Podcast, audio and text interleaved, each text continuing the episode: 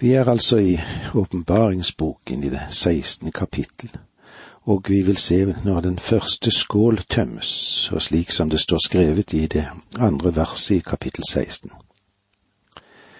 Da gikk den første bort og tømte sin skål utover jorden, og vonde og farlige byller slo ut på mennesker som bar dyrets merke, og tilba bildet av det. Den første vredesskålen er ganske interessant. Det virker som om Gud engasjerer seg i biologisk krigføring overfor Antikrists etterfølgere.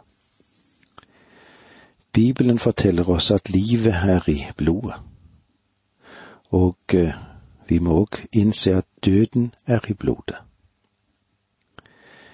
Disse verkende sår er verre enn spedalskhet eller kreft.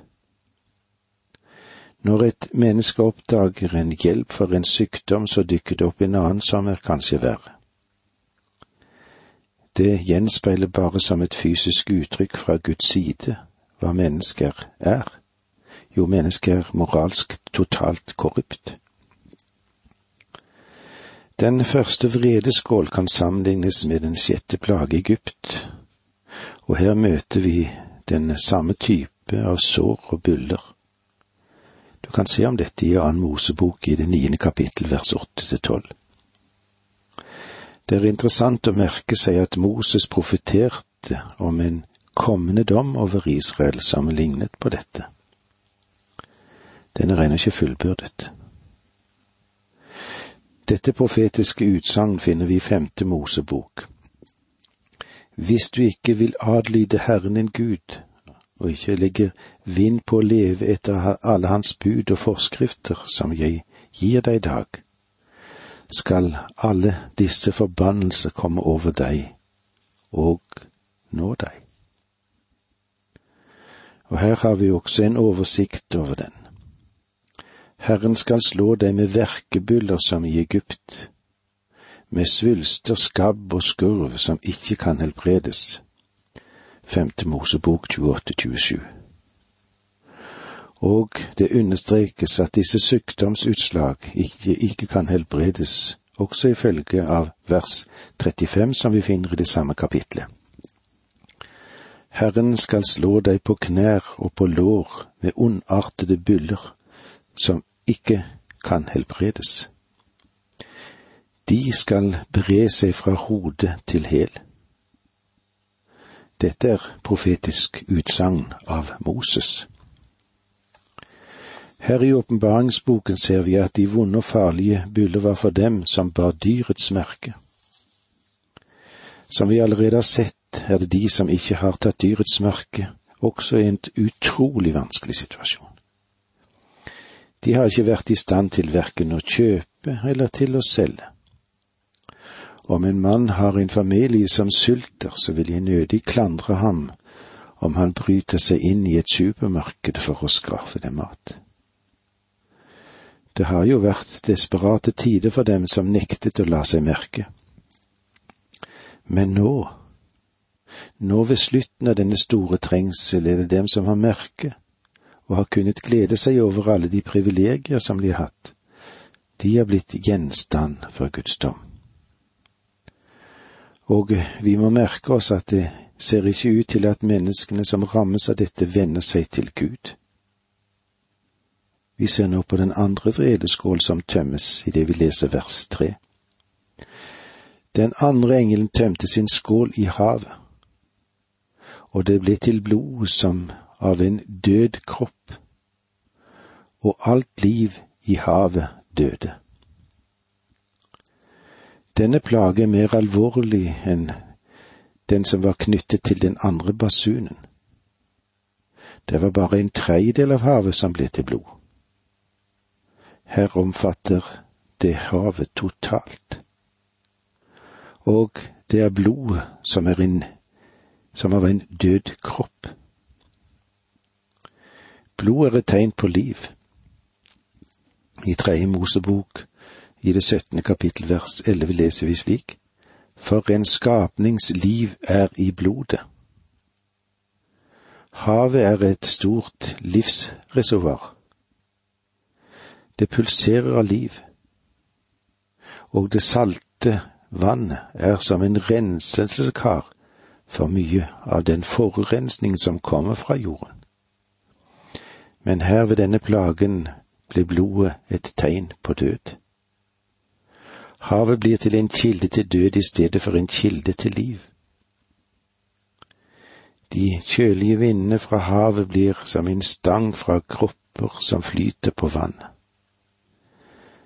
Det som det som nå er, er altså som blod. Og det skylles opp på land. Handelssamkvemmet over havet, ja, det er lammet. Og menneskene, hva med de, jo, de dør som fluer. Den første plagen i Egypt var at Nilens vann ble til blod. Det kan du òg se i Annen Mosebok syv, 20-25. Det er en slående likhet her. Jeg undrer på om vi er klar over hvor mye vi er avhengige av Gud i dag. Vannverk, elektrisk forsyning, og så har vi gasselskaper. Alle disse tingene sender regninger til oss. Men spørsmålet er hvor fikk de lyset fra? Hvor fikk de gassen fra? Hvor fikk de vannet fra? Det er helt klart at disse selskapene har noe med å formidle disse tingene til oss, men det var Gud som ved skapelsen gjorde dette mulig. Har Gud noen gang sendt en regning til deg for solskinnet som du har fått? Har du fått regninger fra Gud av det du drikker ifra springen, ifra vann? Har du fått regning fra Gud av den luften som du trekker inn i kroppen din når du innånder? Har du noen gang betalt ham for dette? Har han ikke sendt deg noen regning? og eh, du har ikke maktet å betale det. Om han så hadde sendt en, hva da? Jo, Gud har vært nådig mot oss. Han har sendt regningen for vår frelsesverk gjennom Jesus Kristus.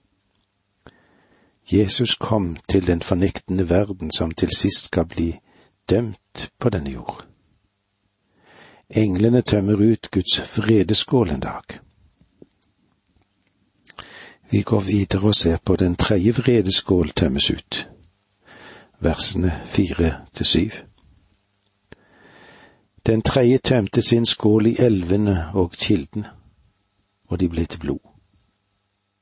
Og jeg hørte vannens engel si, rettferdig er du som dømmer slik, du som er og som var, du hellige.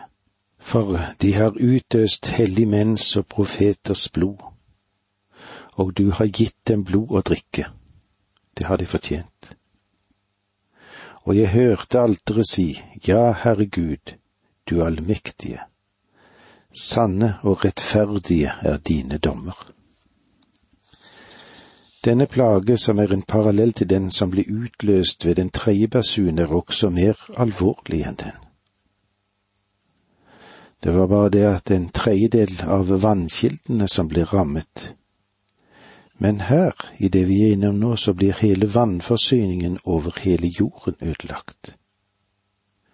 Dette betyr ødeleggelse av menneskelivet i en katastrofe som det ikke har vært noen parallell til i gjennom alle tider. Vannenes engel har overoppsyn med, med Guds vannsforsyninger her på jord. Dette forteller oss noe om enda en tjeneste som engelen har forhold til når det gjelder skaperverket. De bærer ansvar for de forskjellige sider den, med det fysiske univers. Vi har sett fire engler som kontrollerer vind. Den engelen som kjenner hele historien, bekrefter nå at Gud har rett og er hellig når han dømmer. La meg igjen få lov til å understreke at det er Gud som gjør en rettferdig og hellig. Om du ikke er enig med ham, så kan jeg bare beklage det. Du eller jeg, vi har feil. Det er ikke slik hos Gud. Og med disse ordene må vi si takk for nå, må Gud være med deg. Dette undervisningsprogrammet består av to deler. Åge Nevland fortsetter nå med andre del av dagens undervisning. Vi er i Johannes' åpenbaring i det 16. kapittel, og vi ser hvordan det er med de sju vredeskålene som skal tømmes ut. Vi har vært innom den første, andre og tredje vredeskål, og vi er midt i den tredje vredeskål, slik som vi òg leser om dette i det versene fire til syv i det sekstende kapitlet. Den tredje tømte sin skål i elvene og kildene, og de ble til blod. Og jeg hørte vannenes engel si, Rettferdig er du som dømmer slik, du som er og som var, du hellige for de har utøst hellige menns og profeters blod, og du har gitt dem blod å drikke. Det har de fortjent. Og jeg hørte alteret si, Ja, Herre Gud, du allmektige, sanne og rettferdige er dine dommer. De har utøst hellige menns og profeters blod, og du har gitt dem blod å drikke. Dette er poetisk rettferdighet med en gjengjeldelse. De som griper til sverd, skal falle ved sverd, og de som utøser blod for dem, skal deres blod bli utøst. Disse som nå er blitt dømt, har gjort mange av Guds folk til martyrer. Og nå tvinger Gud dem til å smake sin egen medisin og jeg hørte alteret si. Det henviser åpenbart til de hellige under alteret som alt lenge har bedt om at rettferdigheten skal bli skjefyllest. La oss eh, se litt tilbake i åpenbaringsboken i det sjette kapitlet, og vers ni til elleve. Da lammet brøt det femte seil, så jeg under alteret sjelen til dem som var blitt slått i hjel for Guds ords skyld, og for det vitnesbyrd de hadde. De ropte med høy røst, Hvor lenge vil du vente, hellige og troverdige Herre, før du holder dom og straffer dem som bor på jorden, for de har utøst vårt blod. Da fikk hver av dem en hvit kappe, og de ble bedt om å holde seg i ro enda en liten stund inntil tallet på deres medtjenere og brødre var fullt, de som skulle slås i helt slik som de selv. Her ser vi altså at deres bønn blir besvart. Det tok lang tid før Gud kom til dette punktet, men nå er han kommet i den situasjonen at tiden er kommet til å besvare bønnene deres. Den fjerde vredeskål tømmes ut. Vi leser versene åtte og ni, kapittel 16. Den fjerde engelen tømte sin skål ut over solen. Da fikk den makt til å svi menneskene med ild, og menneskene ble brent i voldsomhet. Likevel spottet de Guds navn, han som hadde disse plagene i sin makt og de vendte ikke om, så de ga Gud ære. Jesus selv forutsa at det ville skje tegn i solen under den store trengsel, og i Lukas 21, 25 leser vi slik. Det skal vise seg tegn i sol og måne og stjerner, og på jorden skal folkene bli grepet av angst og fortvilelse når hav og brenning bruser. Og i Det gamle testamentet finner vi òg en hel del som har å si om det som har med dommen under den store trengsel. Ved den samme varme intensitet fra solen, og den øker på. I femte Mosebok 32, 25 står det slik. Kraftløse ble de av hunger, de tæres av pest og farlig sått. Så sender jeg mot dem villdyrene og eiter av orm, som kryper på jorden.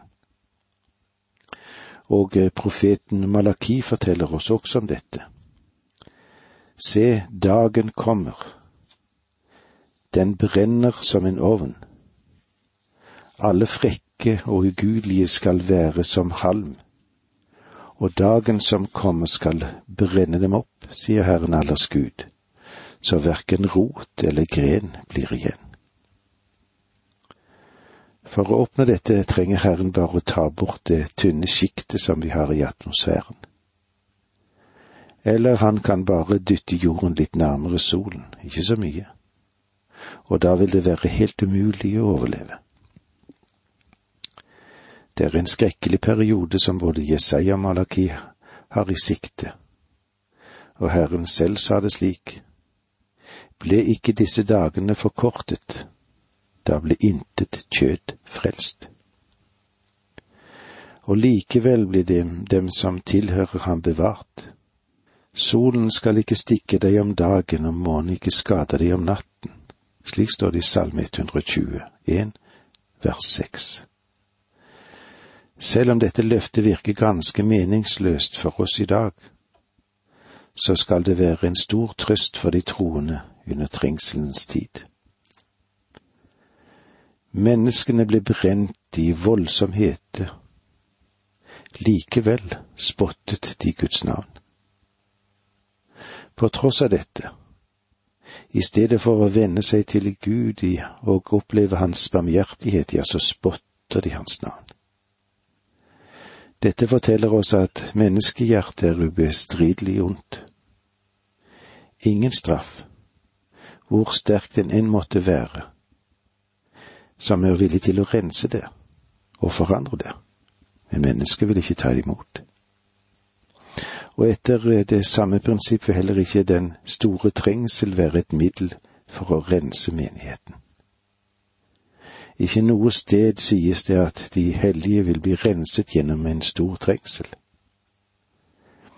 Det er heller slik at det er en dom over jorden.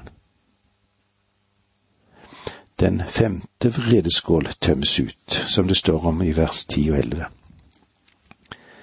Den femte engelen tømte sin skål over dyrets trone. Da ble riket lagt i mørke, og folk bet seg i tungen av smerte.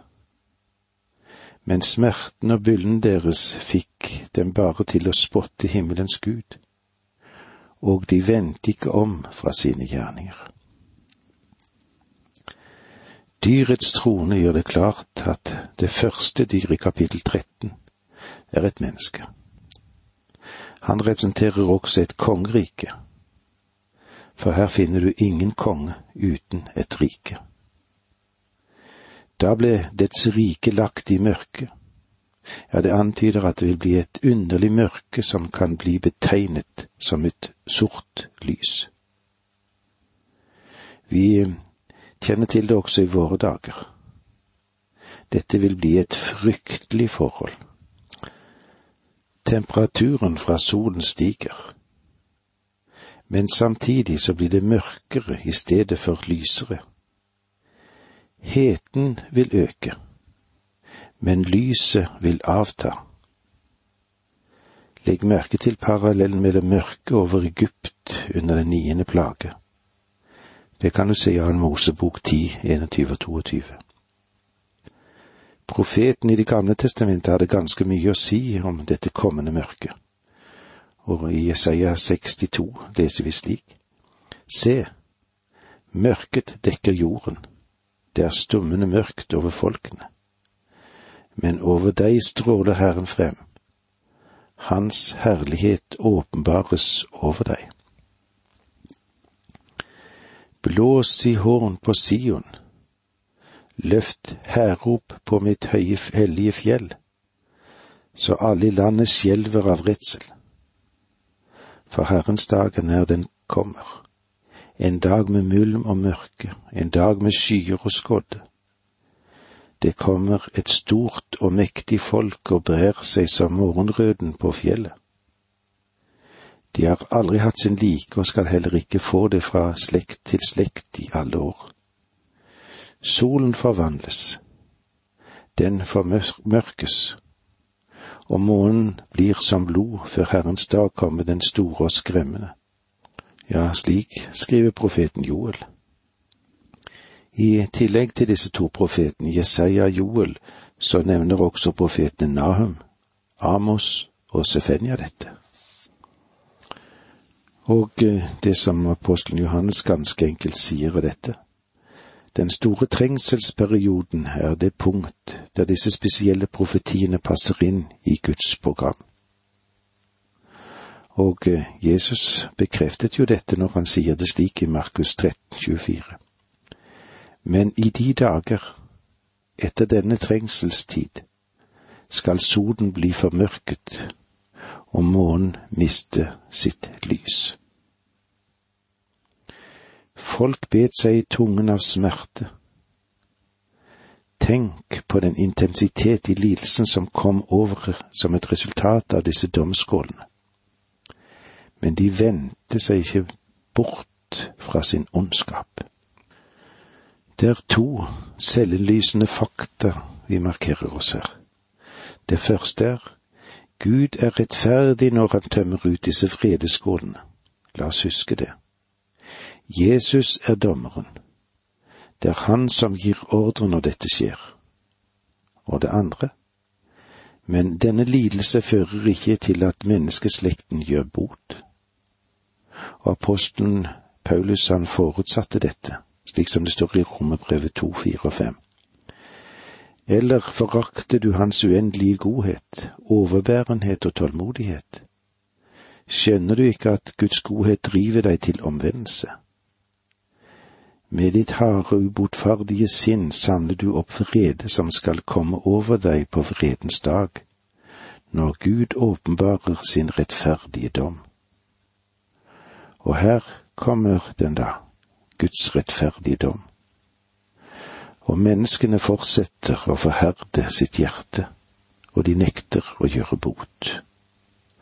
Og med disse ordene må vi si takk for nå, må Gud være med deg.